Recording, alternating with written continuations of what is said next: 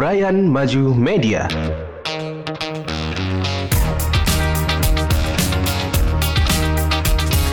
Podcast Pantura.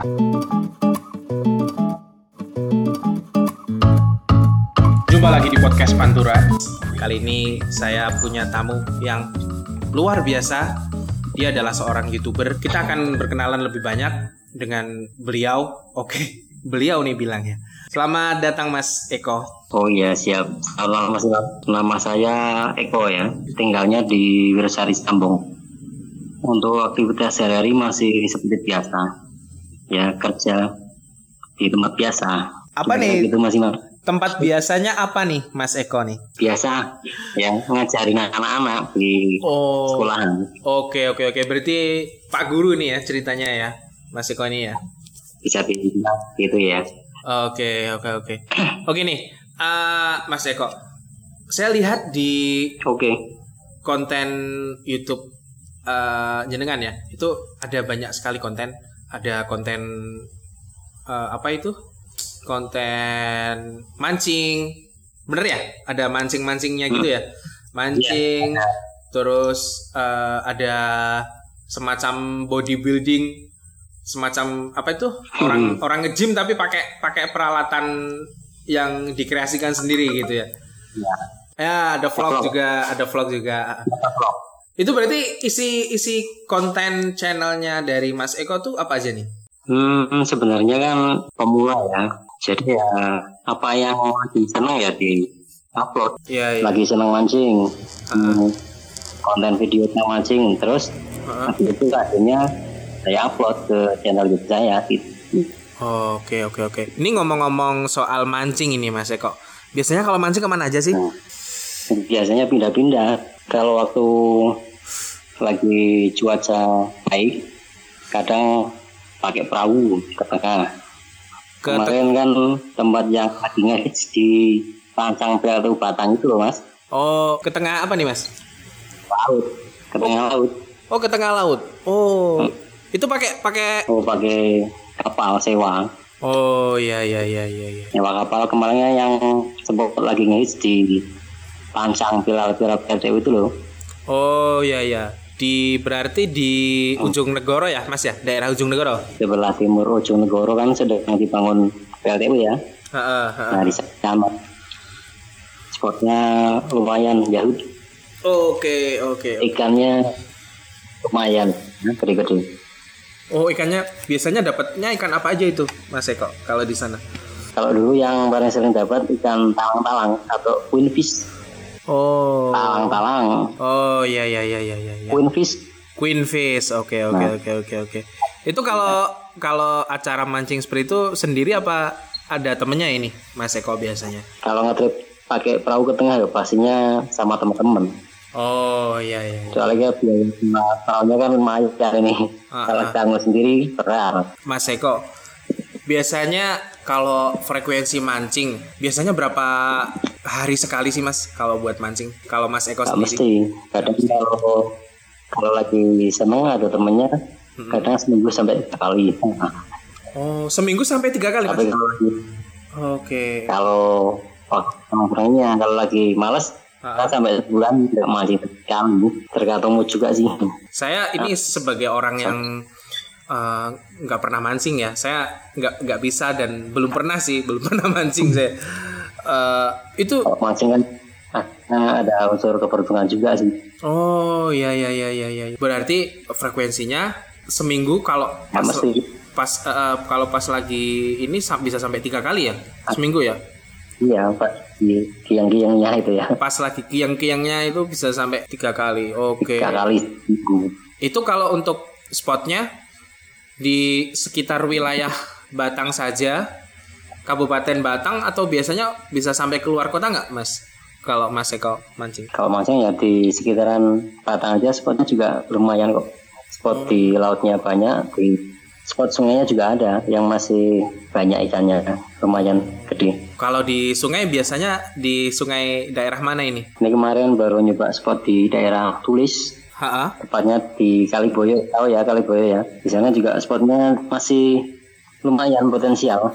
Hmm. masih ada ikan yang mungkin satu-satunya di daerah Batang. Hmm. spot ikan hampala Itu mungkin di Batang cuma situ. Hmm, spot satu-satunya hampalannya berarti bisa dibilang langka Mas ya. Mm-mm, emang langka ikan khususnya ikan hampalanya ya Hmm. nah saya dulu juga dari sering nonton itu cara masing mania Oh ya, kirain ikan dari luar Jawa ternyata di Batang juga ada ternyata. memang benar-benar sudah langka sebenarnya. Oh ya ya ya ya. Itu ternyata termasuk ikan langka berarti itu ternyata ikan ampala tadi ya. hampala Hampala ya. hampala Hampala Iya, itu ikan yang langka dan di Batang itu ada gitu ternyata ya, Mas ya. nah ah, dulu kan sebelum polisi itu ada kan Hmm. kiranya hanya ada di luar Jawa ikan itu ternyata di tempat kita sendiri Batang ternyata juga ada Oh. Dan nggak nyangka banget nih oh itu kalau malah tempatnya deket oh ya ya ya ya. Itu kalau apa itu mancing maniak mancing maniak di luar kota tahu mungkin akan banyak berkunjung mungkin ya akan banyak menyerbu spot itu mungkin Mas ya. hmm, kadang-kadang ada sih Hmm. temen temennya temen yang dari luar kota juga anu apa mancing ke situ Oh, Oke oke oke oke oke. memang semakin langka sih kadang kan di jala sama orang-orang sekitar situ Hmm. ngambilnya juga nggak kira-kira kadang kalau di jala Oke mas, itu eh, dari semua spot yang sudah pernah Mas Eko kunjungi ya, itu apakah semua spot itu direkam mas, dimasukin ke YouTube gitu? enggak. Kan mulai rekam video kan baru kemarin-kemarin. Kalau Oh. dulu dulu ya nggak sempat sama fokus ke mancingnya. Paling cuma sekali eksis waktu dapat ikan kita foto. Tapi kan nggak sempat ke review video. Mulai kemarin-kemarin baru rekam hasil mancing Kalau Mas Eko sendiri sering ini nggak sih, sering kumpul-kumpul atau komunikasi atau ngobrol-ngobrol sama teman-teman mancing mania di Batang ini?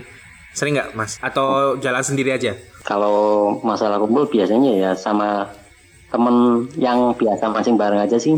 Oh, pernah ngumpul bareng-bareng yang grup rame-rame nggak pernah paling sama temen yang biasa mancing bareng Kalau untuk semacam komunitas itu ada nggak sih mas? Biasanya kan ada ada ada semacam komunitas gitu. kalau di Batang itu sudah banyak sebenarnya ya kalau di grup Facebook ada namanya Edman Edan Mancing Batang Oh. anggotanya sudah banyak Oh iya iya iya iya. iya. kadang kali ngadain mabar sering Mabar adalah man- mancing bareng Oh mancing bareng ya, bukan. iya Oke oke oke. bukan makan bareng Bukan makan bareng, bukan main bareng gitu ya.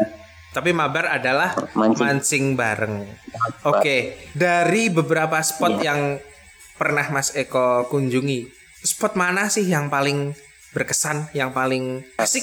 spot di Pancang PLTU ya Oh di di PLTU itu ya, Karena- Mas ya? bawah-bawah itu jembatan yang dermaga PLTU Oh iya. Sebenarnya kan sekarang jadi semacam rumpun buat ikan-ikan. Kalau di sana seringnya dapat ikan gede-gede minimal 2 kilo dapat lah. Satu ekor itu beratnya minimal 2 kilo, ada yang sampai 5 kiloan. Dan sensasi tarikannya wow, kadang sampai senarnya jebol. Ah, ini ngomong-ngomong soal sensasi mancing. Jadi, mancing itu sensasinya waktu ada tarikan itu ya. Jadi, itu apakah memang gitu, Mas? Depan kita di Samber itu Hmm. sensasi paling dan waktu fight sama ikan, tarik-tarikan. Oh, oke. Semakin gede ikannya, makin kuat tarikannya kan. Semakin gede. Nah iya, ngerasnya kalau lagi baik sama ikan, senar pedot. Oh, Pada umpannya, umpan yang harganya lumayan tuh di bawah Oh. ikan. Tak mainnya kadang kan yang casting pakai umpan pantiruan tuh loh. Jadi siap capek, lempar tarik, lempar tarik sampai sampai ikan. Jadi semakin gede, semakin kuat itu justru semakin asik ya buat buat mancing kalau orang mancing gitu ya. Iya, siap-siap relain umpan. Oh, Kalau gitu. kuat kan pasti pedot. Itu padahal Iya. kalau untuk peralatan mancing seperti joran bener ya? Joran, terus senar, terus Reel, reel, reel yang buat bersenaran. mm-mm, terus Tapi umpan. biasanya kalau kita mancing, casting, nggak pakai senar. Oh gitu gitu. Ah, gimana? Semacam semacam benang, namanya Oh. benang PE. Oh iya iya iya. iya. Soalnya kalau buat lempar lebih enak, nggak ngodol. Hmm. senarnya atau benangnya nggak kusut. Oh iya iya. Kalau iya, pakai iya, iya. kan mudah kusut buat. Itu padahal biasanya budget untuk peralatan mancing itu kisaran sampai berapa sih mas? Kalau yang punya saya termasuk yang minimalis budget yang murahan ya. Ini untuk kelas saya. Paling kalau untuk duran harga kisarannya bisa 200 sampai 300 durannya. Hmm, hmm. Ya, kan sekitar 300-an. Belum benang PE-nya, belum umpannya.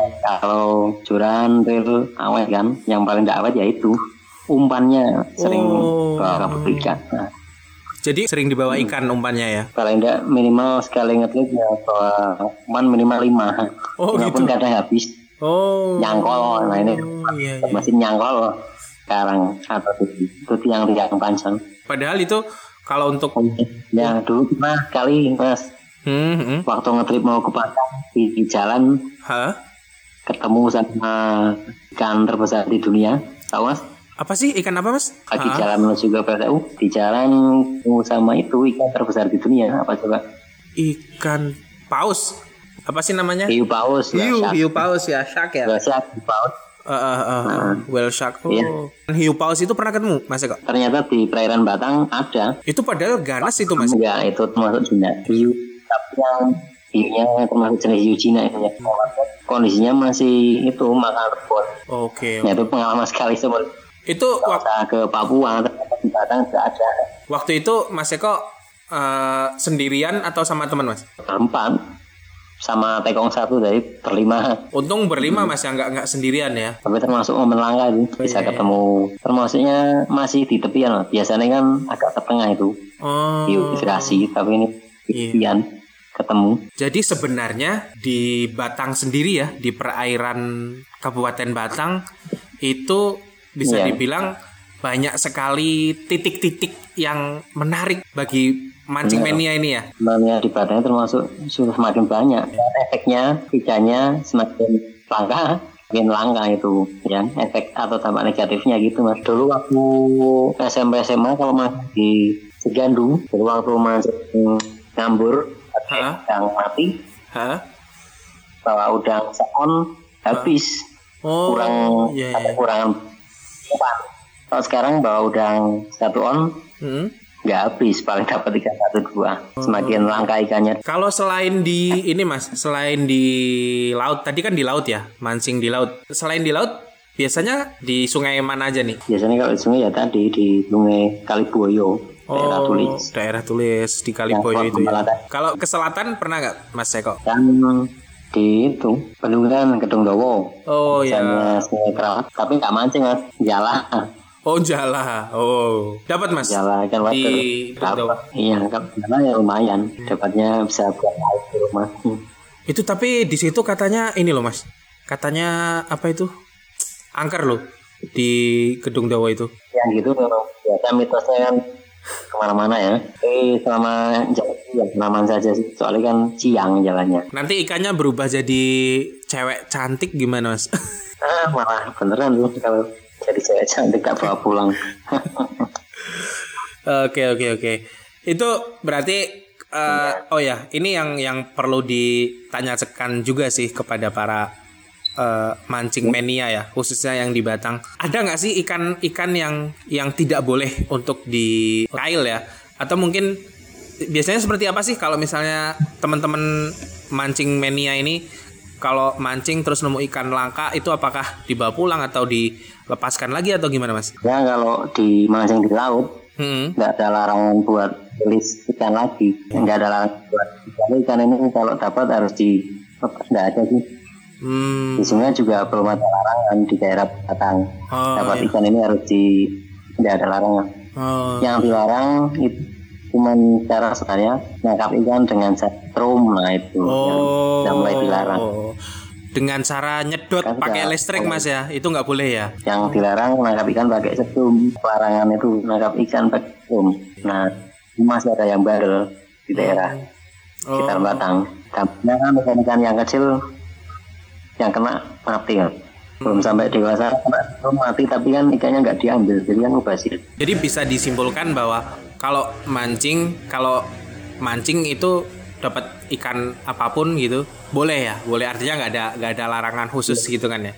Yang dilarang adalah nangkap ikan pakai alat strum itu oh yang dilarang adalah kalau kita nangkap ikan pakai strom gitu ya. Kalau masalah rilis ikan itu tergantung ke pemancingan masing-masing oh gitu gitu, kalau gitu. ikannya sudah mau langka Ha-ha. tahu ikan itu sudah langka Mm-mm, mm-mm. kan buat masing-masing saja terus kalau dapat kita lepas itu kan kembali ke pemancingnya masing-masing Oh, tapi kalau kalau Mas Eko sendiri dari pengalaman mancing sejauh ini biasanya dibawa pulang atau mungkin ada yang dilepas lagi? Apa gimana? kalau hasil laut ikan mancing di laut pasti nggak bawa pulang. Oh, soalnya iya. kalau dapat kecil pas lagi belum ukuran pas. Tapi kalau dapat ikan tampalan di sungai Ha? masih tak lepas lagi. Kan sayang ikan udah mau langka Nah, saya lihat videonya eh, Mas Eko. Itu selain tentang video tentang mancing, di situ ada juga video tentang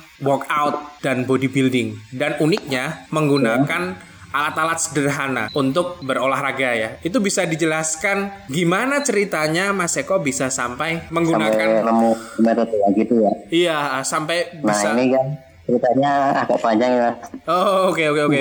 Gimana gimana ceritanya gimana? Ya, kan tahu sendiri ya, kita kan teman main dulu saya sekolah badannya masih terlalu kurus ya, kurus, kecil, sampai saya kuliah pun kan malah itu badan saya semakin kurus mas.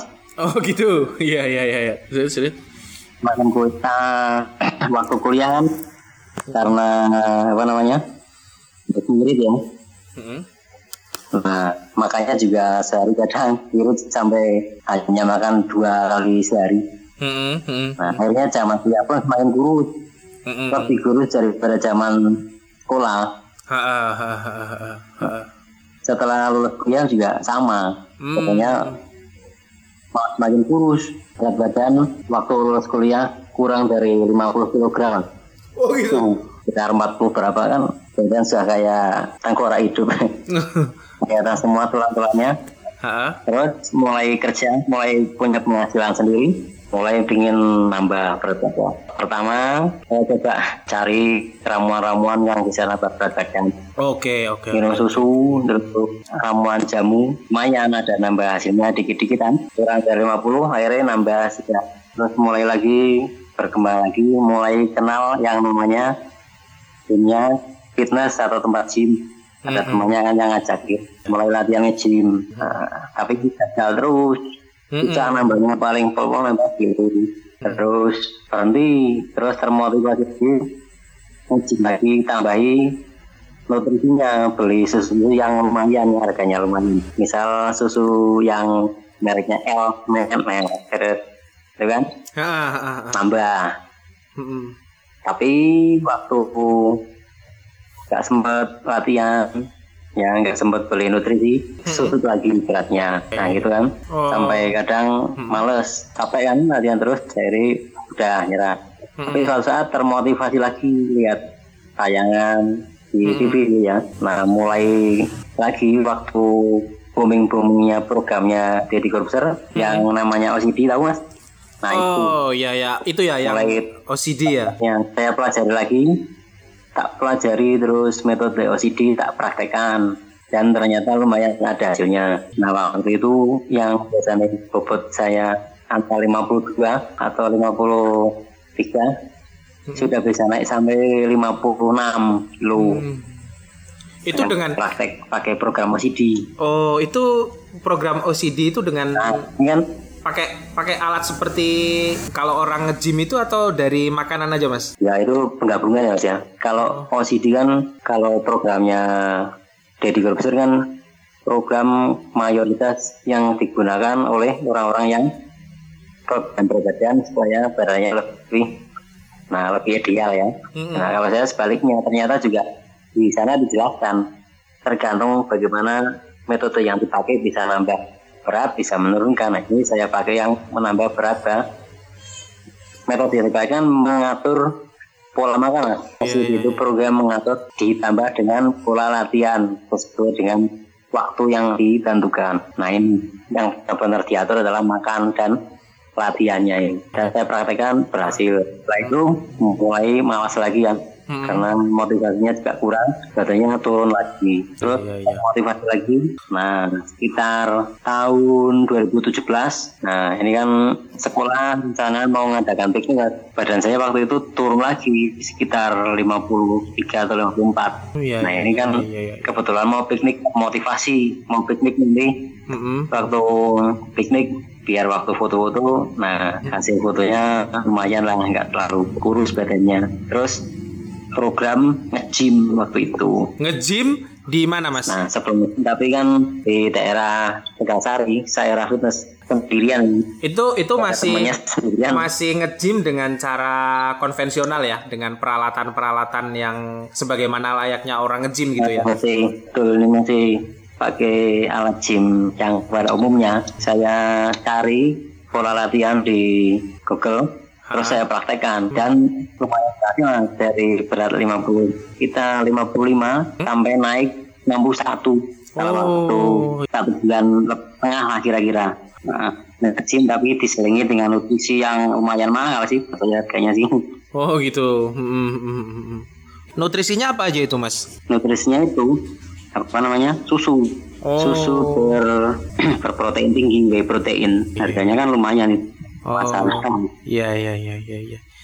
Oke dengan oke. pola latihan yang benar Mm-mm. ya nambah sekitar 5 6 kilo Oh iya iya. tapi habis itu nah pikiran Mm-mm. buat biaya nge-gym mahal Iya. ah, buat nutrisi mahal ah. kan akhirnya malas lagi nah terus ini ada terus kan saya mulai sering nonton-nonton YouTube kan YouTube channel terus sering nonton di Instagram ya kan Iya. ah, ah, ah. nah waktu itu ada akun salah satu akun di channel Instagram tentang olahraga kalistenik Olahraga di apa? apa namanya Ah, ah. yang mempromosikan olahraga kalistenik mas Oh. kalistenik Oh olahraga kalistenik ya. ya olahraga yang manfaatkan berat tubuh kita sendiri gitu Itu gimana mas? setelah saya lihat pola latihannya kemudian saya praktekkan olahraga manfaatkan badan kita sendiri kan gampang mas ya Iya. contohnya misalnya push up pull up jump dan lain sebagainya kan yang manfaatkan tubuh terus saya praktekkan terus mulai dari cuman kuat 5 sampai 10 kali terus saya latih terus sampai kuat sampai puluhan bahkan sampai 100 kali. Nah ternyata di badan lumayan ada hasilnya mas. Itu nambah lah se- sekilo dua kilo nambah lah. itu jenengan bisa push up sekarang berarti bisa push up sampai 100 kali mas. ya insya Allah sekali tahun satu seratus sekali sanggup saya. Oh, oke. tangan pun sekarang tak Oke oke oke oke sekarang tak ya Oke oke oke oke oke oke oke. Itu terus berarti gimana itu? Ceritanya bisa sampai ke peralatan-peralatan yang aneh-aneh yang peralatan ya.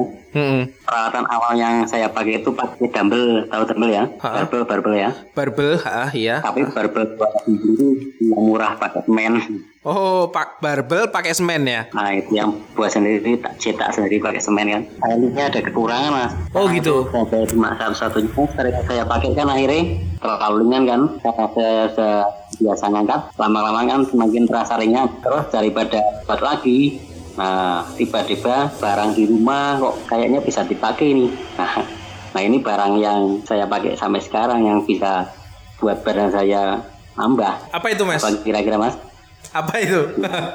orang di rumah pasti punya ini barang Bikin penasaran ini. Nah, dan alat ini juga lebih apa ya?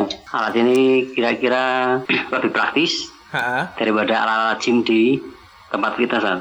Oh. Karena alat ini bisa nyeting berat sampai hitungan on bahkan sampai gram kita bisa nambah atau mengurangi sampai tingkat on atau sampai bahkan gram Oh. kalau di tempat gym kan kita bisa ngatur Ha? berat naik atau turun tanya mungkin kira-kira kalau pakai yang mesin tambah atau ngurangin beban 5 kilo mas sekali kurangnya atau nambah berarti minimal paling ringan tuh satu setengah kilo tapi Iya, kalau iya. pakai alat ini bisa nambah bisa ngurangi sampai ukuran gram nah Oh iya iya iya. Apa itu mas?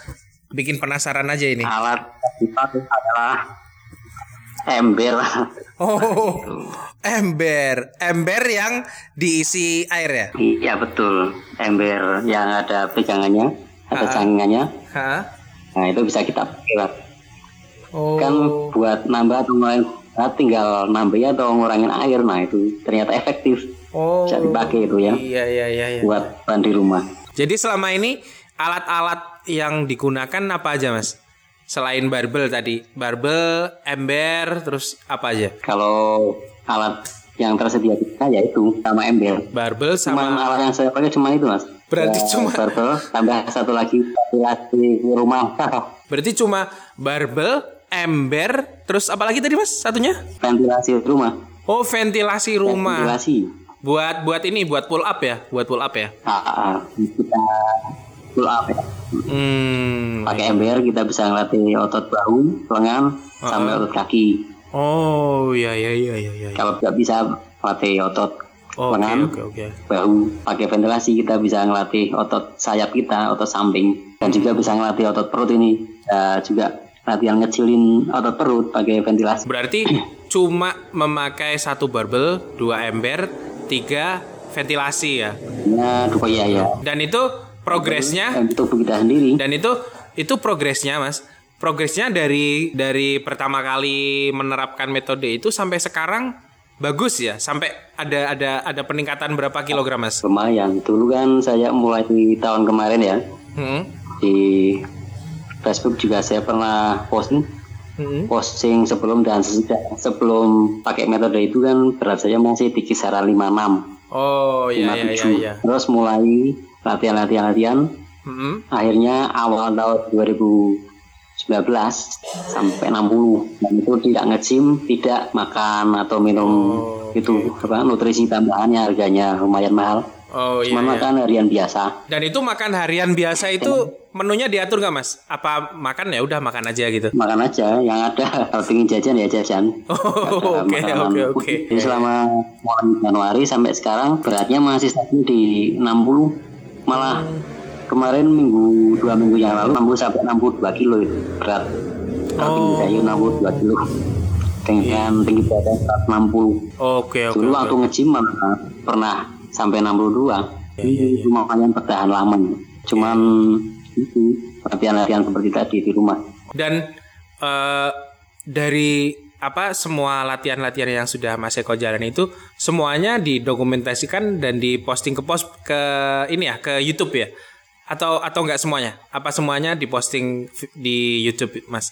oh yang ini Hmm, hmm, hmm. yang program latihan belum belum sempat saya pas ke YouTube sih sebenarnya sih Hmm. ada sesekali kan itu cuma buat hiburan kali ini progresnya belum maksimal mas Oh iya iya. nanti kalau misalnya program maksimal kelihatan hasil Ha. insya Allah nanti saya publikasikan buat membantu lah Oh iya iya iya. membantu yang mungkin bedanya nambah berisi nah, kalau sekarang masih terlalu kurus mungkin nanti mungkin bisa membantu nanti ya Iya iya iya. kalau iya. progresnya sudah maksimal nanti Oh iya iya iya iya iya. Ini ngomong-ngomong soal YouTube ini Mas Eko ini.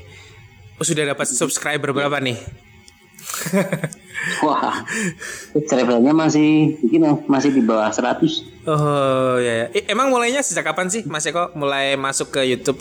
mulai buat channel itu kira-kira kemarin bulan Mei kalau nggak salah mas Oh berarti baru baru dua bulan ya? Mei kalau nggak April ya Mei lupa saya Oh iya iya. Masih baru dua bulan masih berarti baru ya? ya kurang lebih lah Hmm. Kalau kalau video sudah sudah ada berapa berapa video Mas di YouTube? Video berapa ya lupa kurang lebih 12 mungkin mas kalau nggak salah 12. Oke oke oke oke oke oke. ada beberapa yang sudah tak hapus sih soalnya Ini Hmm. uh, menarik sekali nih uh, obrolan kita nih, Mas Eko. Banyak sekali uh, wawasan-wawasan baru. Saya baru tahu nih jujur aja kalau ternyata Batang itu kaya dengan spot mancing satu ya. Terus yang kedua, Hmm. ternyata kita kalau mau workout atau mau mau nge-gym nggak harus mahal-mahal. Apa yang bisa saya eh, simpulkan ya dari dari melihat channel YouTube-nya Mas Eko ya. Mas Eko, terima kasih banyak buat kesempatan ngobrol-ngobrolnya malam ini next time kita mungkin Sama-sama. bisa ngobrol-ngobrol lagi. Nih beneran nih, ditunggu banget videonya Mas Eko. Terima kasih banyak sudah eh, bersedia menjadi tamu di Brian Podcast. Keep posting Mas Eko. Terima kasih banyak dan sampai Siap, Mas. jumpa. Ya. Oke oke. Brian Maju Media.